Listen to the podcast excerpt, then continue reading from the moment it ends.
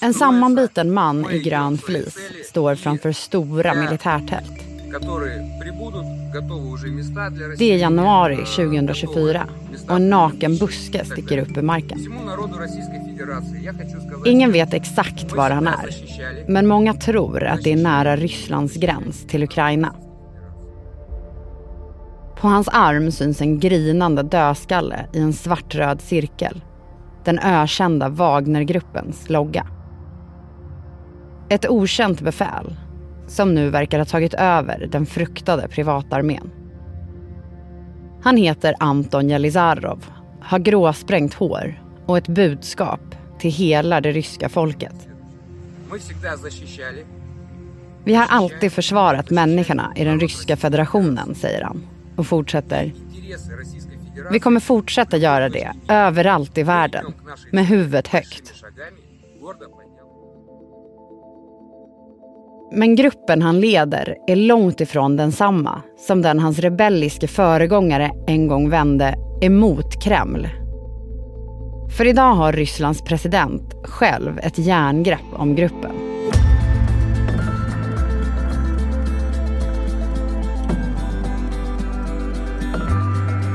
Från Dagens Nyheter. Det här är Spotlight. Idag om Wagnergruppens nya ledare och Putins kontroll över upprorsmakarna. Jag heter Evelyn Jones.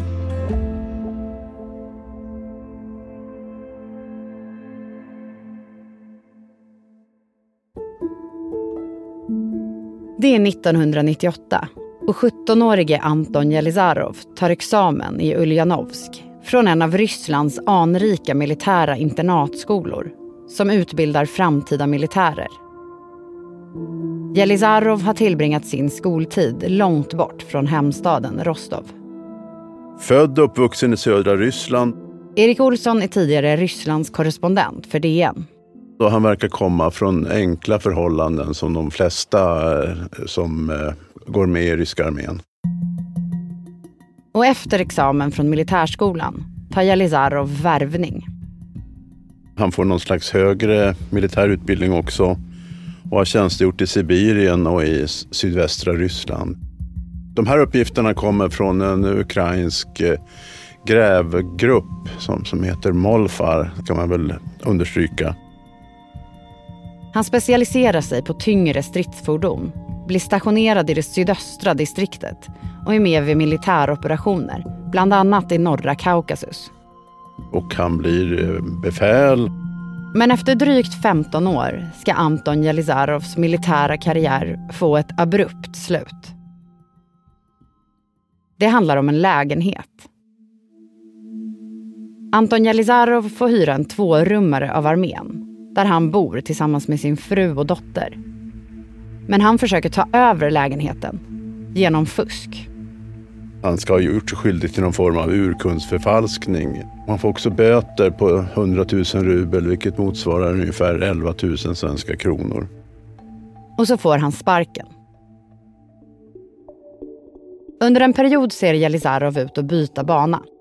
Han startar eget som snickare och lägger ut bilder i sociala medier på hur han inrett lägenheter och kontorskomplex. Men han ska återkomma till det militära då i ett helt nytt sammanhang.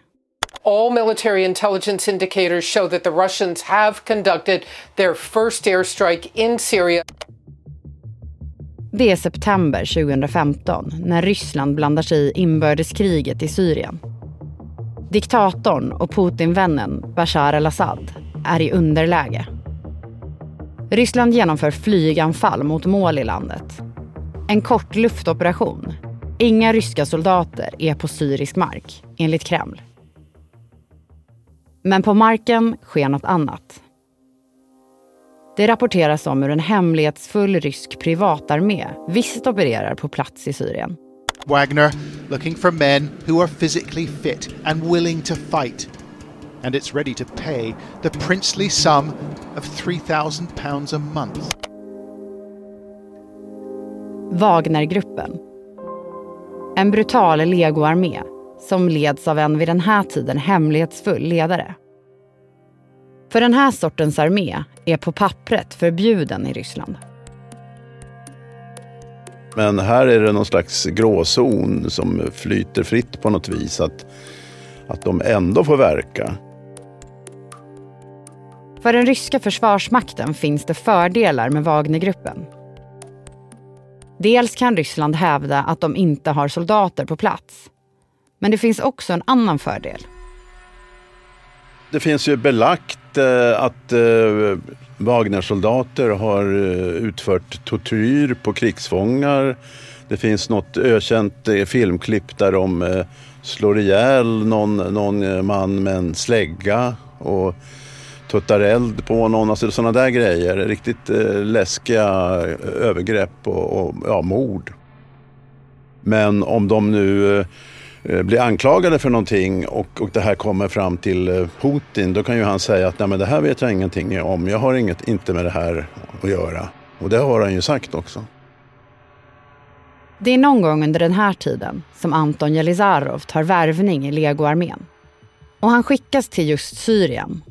Väl där är han en av många soldater som såras. De dokument som finns så ska han ha eh, blivit skottskadad i en arm och ett ben.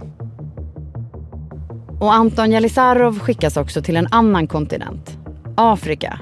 Där Wagnergruppen sedan 2017 har byggt upp en fruktad styrka som gjort sig känd för brutala metoder. CAR refugee Medina fled to Cameroon after Wagner attacked Bambari and seized the family's gold trading business.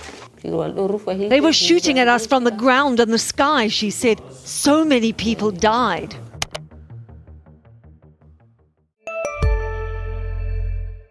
Har du också valt att bli egen? Då är det viktigt att skaffa en bra företagsförsäkring. Hos oss är alla småföretag stora och inga frågor för små. Swedeas företagsförsäkring är anpassad för mindre företag och täcker även sånt som din hemförsäkring inte täcker. Gå in på swedea.se företag och jämför själv. Hej, Ulf Kristersson här. På många sätt är det en mörk tid vi lever i. Men nu tar vi ett stort steg för att göra Sverige till en tryggare och säkrare plats. Sverige är nu medlem i Nato. En för alla, alla för en.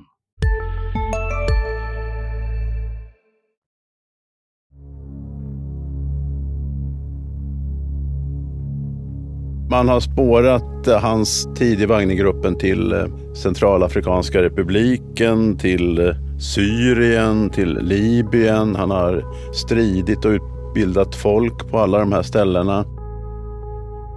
Men 2022 dyker många av Wagners soldater upp, mycket närmare hemmaplan. As Russia continues its invasion of Ukraine, some observers are warning its forces may get support from an unexpected source Russian linked mercenaries stationed in Africa.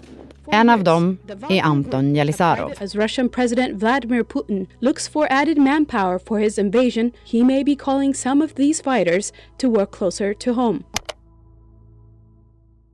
Det dröjer bara några veckor efter Rysslands fullskaliga invasion av Ukraina innan det står klart att Wagnergruppen är en del av den. Det som tidigare främst varit en styrka av elitsoldater börjar nu rekrytera fångar från ryska fängelser för att strida i Ukraina. Joining in the war on Ukraine There's more than a thousand fighters from Russian private military contractor the Wagner Group are being deployed to the country. Och i Ukraina anklagas Wagnergruppen återigen för att ligga bakom flera krigsbrott. Det är riktigt blodiga slag där man försöker ta kontroll över små samhällen. Soledar och Bachmut är kända namn i, i, i mediesammanhang. Anton Jelizarov blir befälhavare i den östra delen där några av krigets mest blodiga strider utspelar sig. Han är ju ett befäl som strider. Det är inte så att han har någon utåtriktad roll. Men plötsligt dyker han upp i en video på Telegram.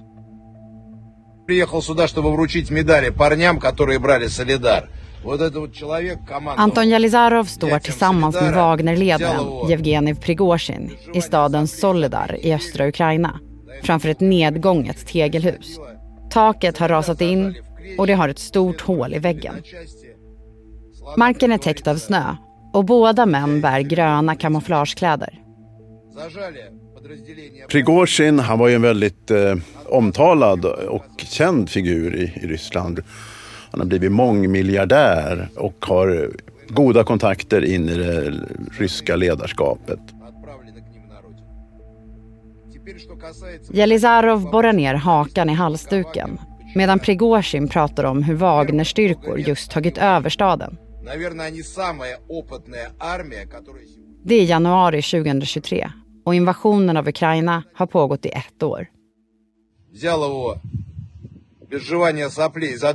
Prigozjin säger att befälhavaren bredvid honom är en erfaren krigare. Det är han som lyckats ta över stan, utan tjafs, på två veckor. Nu ska han få en medalj.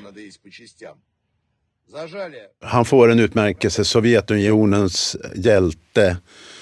Så att han är ju framstående i, i de här eh, aktionerna. Anton Jelizarov är helt tyst under de två och en halv minuter som Prigozjin talar. Han är eh, en ganska grå och okarismatisk person medan eh, Prigozjin var ju väldigt så här utåtriktad och flamboyant om man säger så. Och under våren som följer ska Prigozjin bli allt mer utåtriktad. Med öppen kritik mot toppskiktet i den ryska försvarsmakten.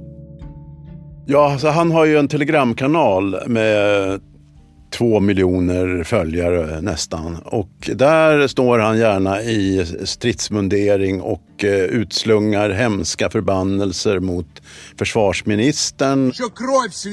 Mot generalstabschefen Gerasimov. Och de är inte vattenvärda, de är clowner. De motarbetar de här tappra Wagnerkrigarna. Många höjer på ögonbrynen, speciellt utanför Ryssland. För att skulle en vanlig ryss säga så här skulle han ju åka in i fängelse i straffkoloni.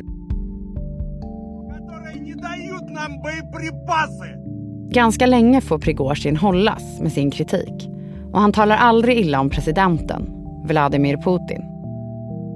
Men i juni 2023 händer något som sänder chockvågor över världen.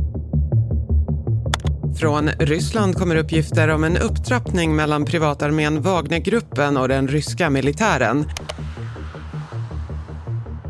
En stor militärkonvoj rör sig längs motorvägen M4 på väg från Rostov i södra Ryssland. Lastbilarna och stridsvagnarna kör i riktning norrut. Säkerheten har stärkts runt Moskva efter att privatarmén Wagnergruppen uppges vara på väg mot huvudstaden. Prigozjins legosoldater tågar i tusental bort från Ukraina mot Moskva. Det kallar han för rättvisemarschen. Wagnerledaren säger att han vill straffa de militära ledare som är ansvariga för att hans legosoldater dödats. Och Putin håller ett tv-sänt tal till folket. Det här är ett slag mot Ryssland, mot vårt folk, säger han. Putin kallar konvojen för utpressning och terrorism. Han säger att de som står bakom den kommer att straffas hårt. Det var ju ohyggligt eh, skakigt under en period och ingen visste vad Putin var eller vad han skulle göra. Men ungefär 20 mil söder om Moskva så gör den här eh, kolonnen halt. Styrkorna vänder om ett avtal med Putin ska ha skrivits på och Wagnersoldaterna slussas till Belarus. På något sätt så, så, så, träder den belarusiske presidenten Lukasjenko in som medlare mellan Prigozjin och ryska militärledningen. Putin distanserar sig liksom från det här. Men eh, marschen är ju liksom avblåst och hotet är, är avvärjt kan man säga. Många spekulerar kring om Prigozjin med sitt myteri också skrivit på sin dödsdom. I hate to say this for Prigozhin, but he's kind of dead man walking at this point. I would be very surprised if he's still with us in a few months time. Men från Putin är det ovanligt tyst. Putin har ju kallat det här för ett försök till statskupp, högförräderi, men han har liksom inte gjort någonting. I två månader är det knäpptyst. Men nu händer det någonting. Och väldigt drastiskt får man lov att säga.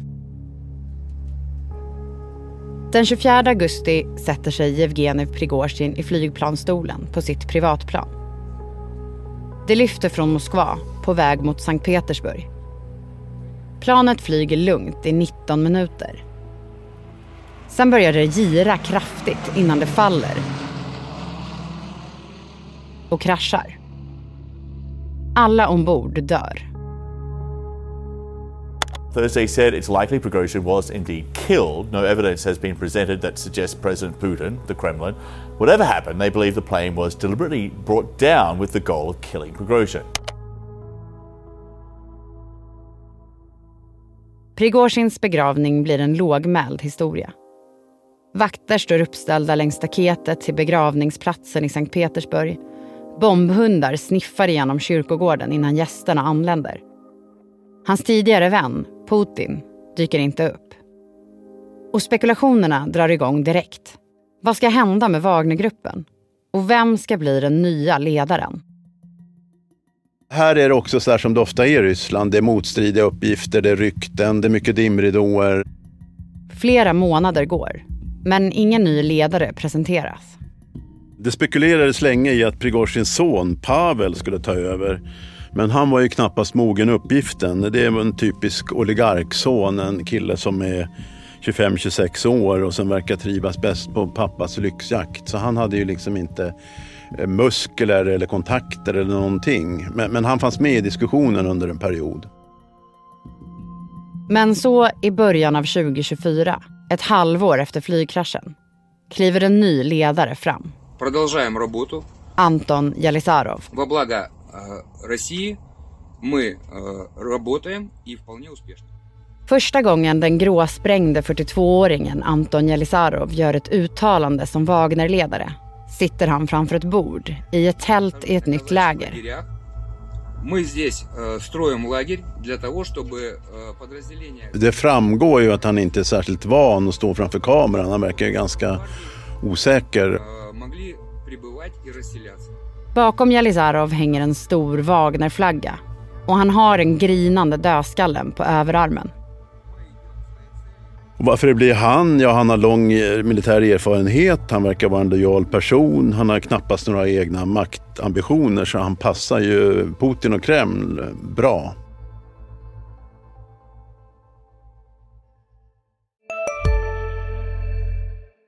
Hej, Synoptik här. Hos oss får du hjälp med att ta hand om din ögonhälsa. Med vår synundersökning kan vi upptäcka både synförändringar och tecken på vanliga ögonsjukdomar. Boka tid på synoptik.se. Välkommen till Maccafé på utvalda McDonalds restauranger med Baristakaffe till rimligt pris. Vad sägs om en latte eller cappuccino för bara 35 kronor? Alltid gjorda av våra utbildade baristor.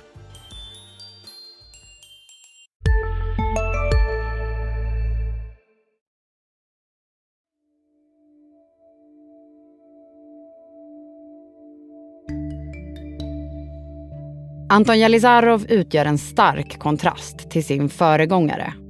Prigozjin han var en mushik, det man säger på ryska. Alltså en karakar som använder ett grovt språk med många svordomar och som gärna kritiserar överheten. Medan Jelisarov han har en mycket lägre profil. Han är ju en typiskt ordknapp eh, militär som hellre slåss än, än pratar. Наш полевой лагерь на казачьих лагерях, он продолжает расти. Jelisarov går ut på den isiga leran och visar upp de stora tälten. Han berättar att de står redo inför att fler soldater ska komma. Wagner-soldater. Och det är väl ingen vild gissning att eh, den här förläggningen då ska användas som bas för eh, operationer in i Ukraina. Men Wagnergruppen är inte alls den frifräsande privatarmé som den var för ett år sedan. Idag är den helt under Putins kontroll.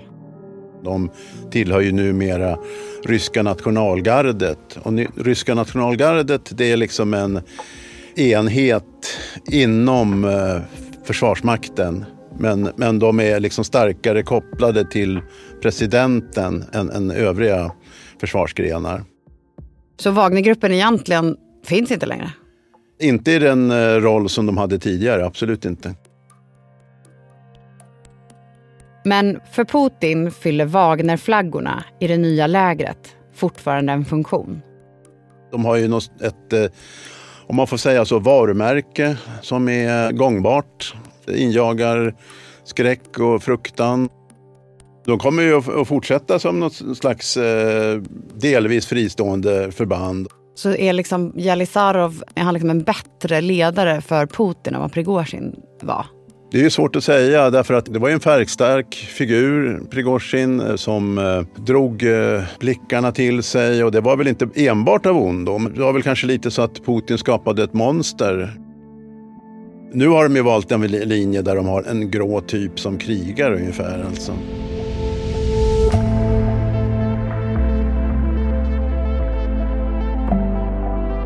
Du har lyssnat på Spotlight med mig, Evelyn Jones. Gäst i dagens avsnitt var Erik Olsson, tidigare Rysslands korrespondent för DN. Producent Elinor Alborn. Ljudtekniker och slutmix Patrik Miesenberger. Patricio Samuelsson har komponerat vignetten. Ljudklippen i dagens avsnitt kommer från Wall Street Journal, CBS, ABC, Al Jazeera, Sveriges Radio, Sky News, CNBC och Voice of America. Ansvarig utgivare för dagens nyheter är Peter Wolodarski.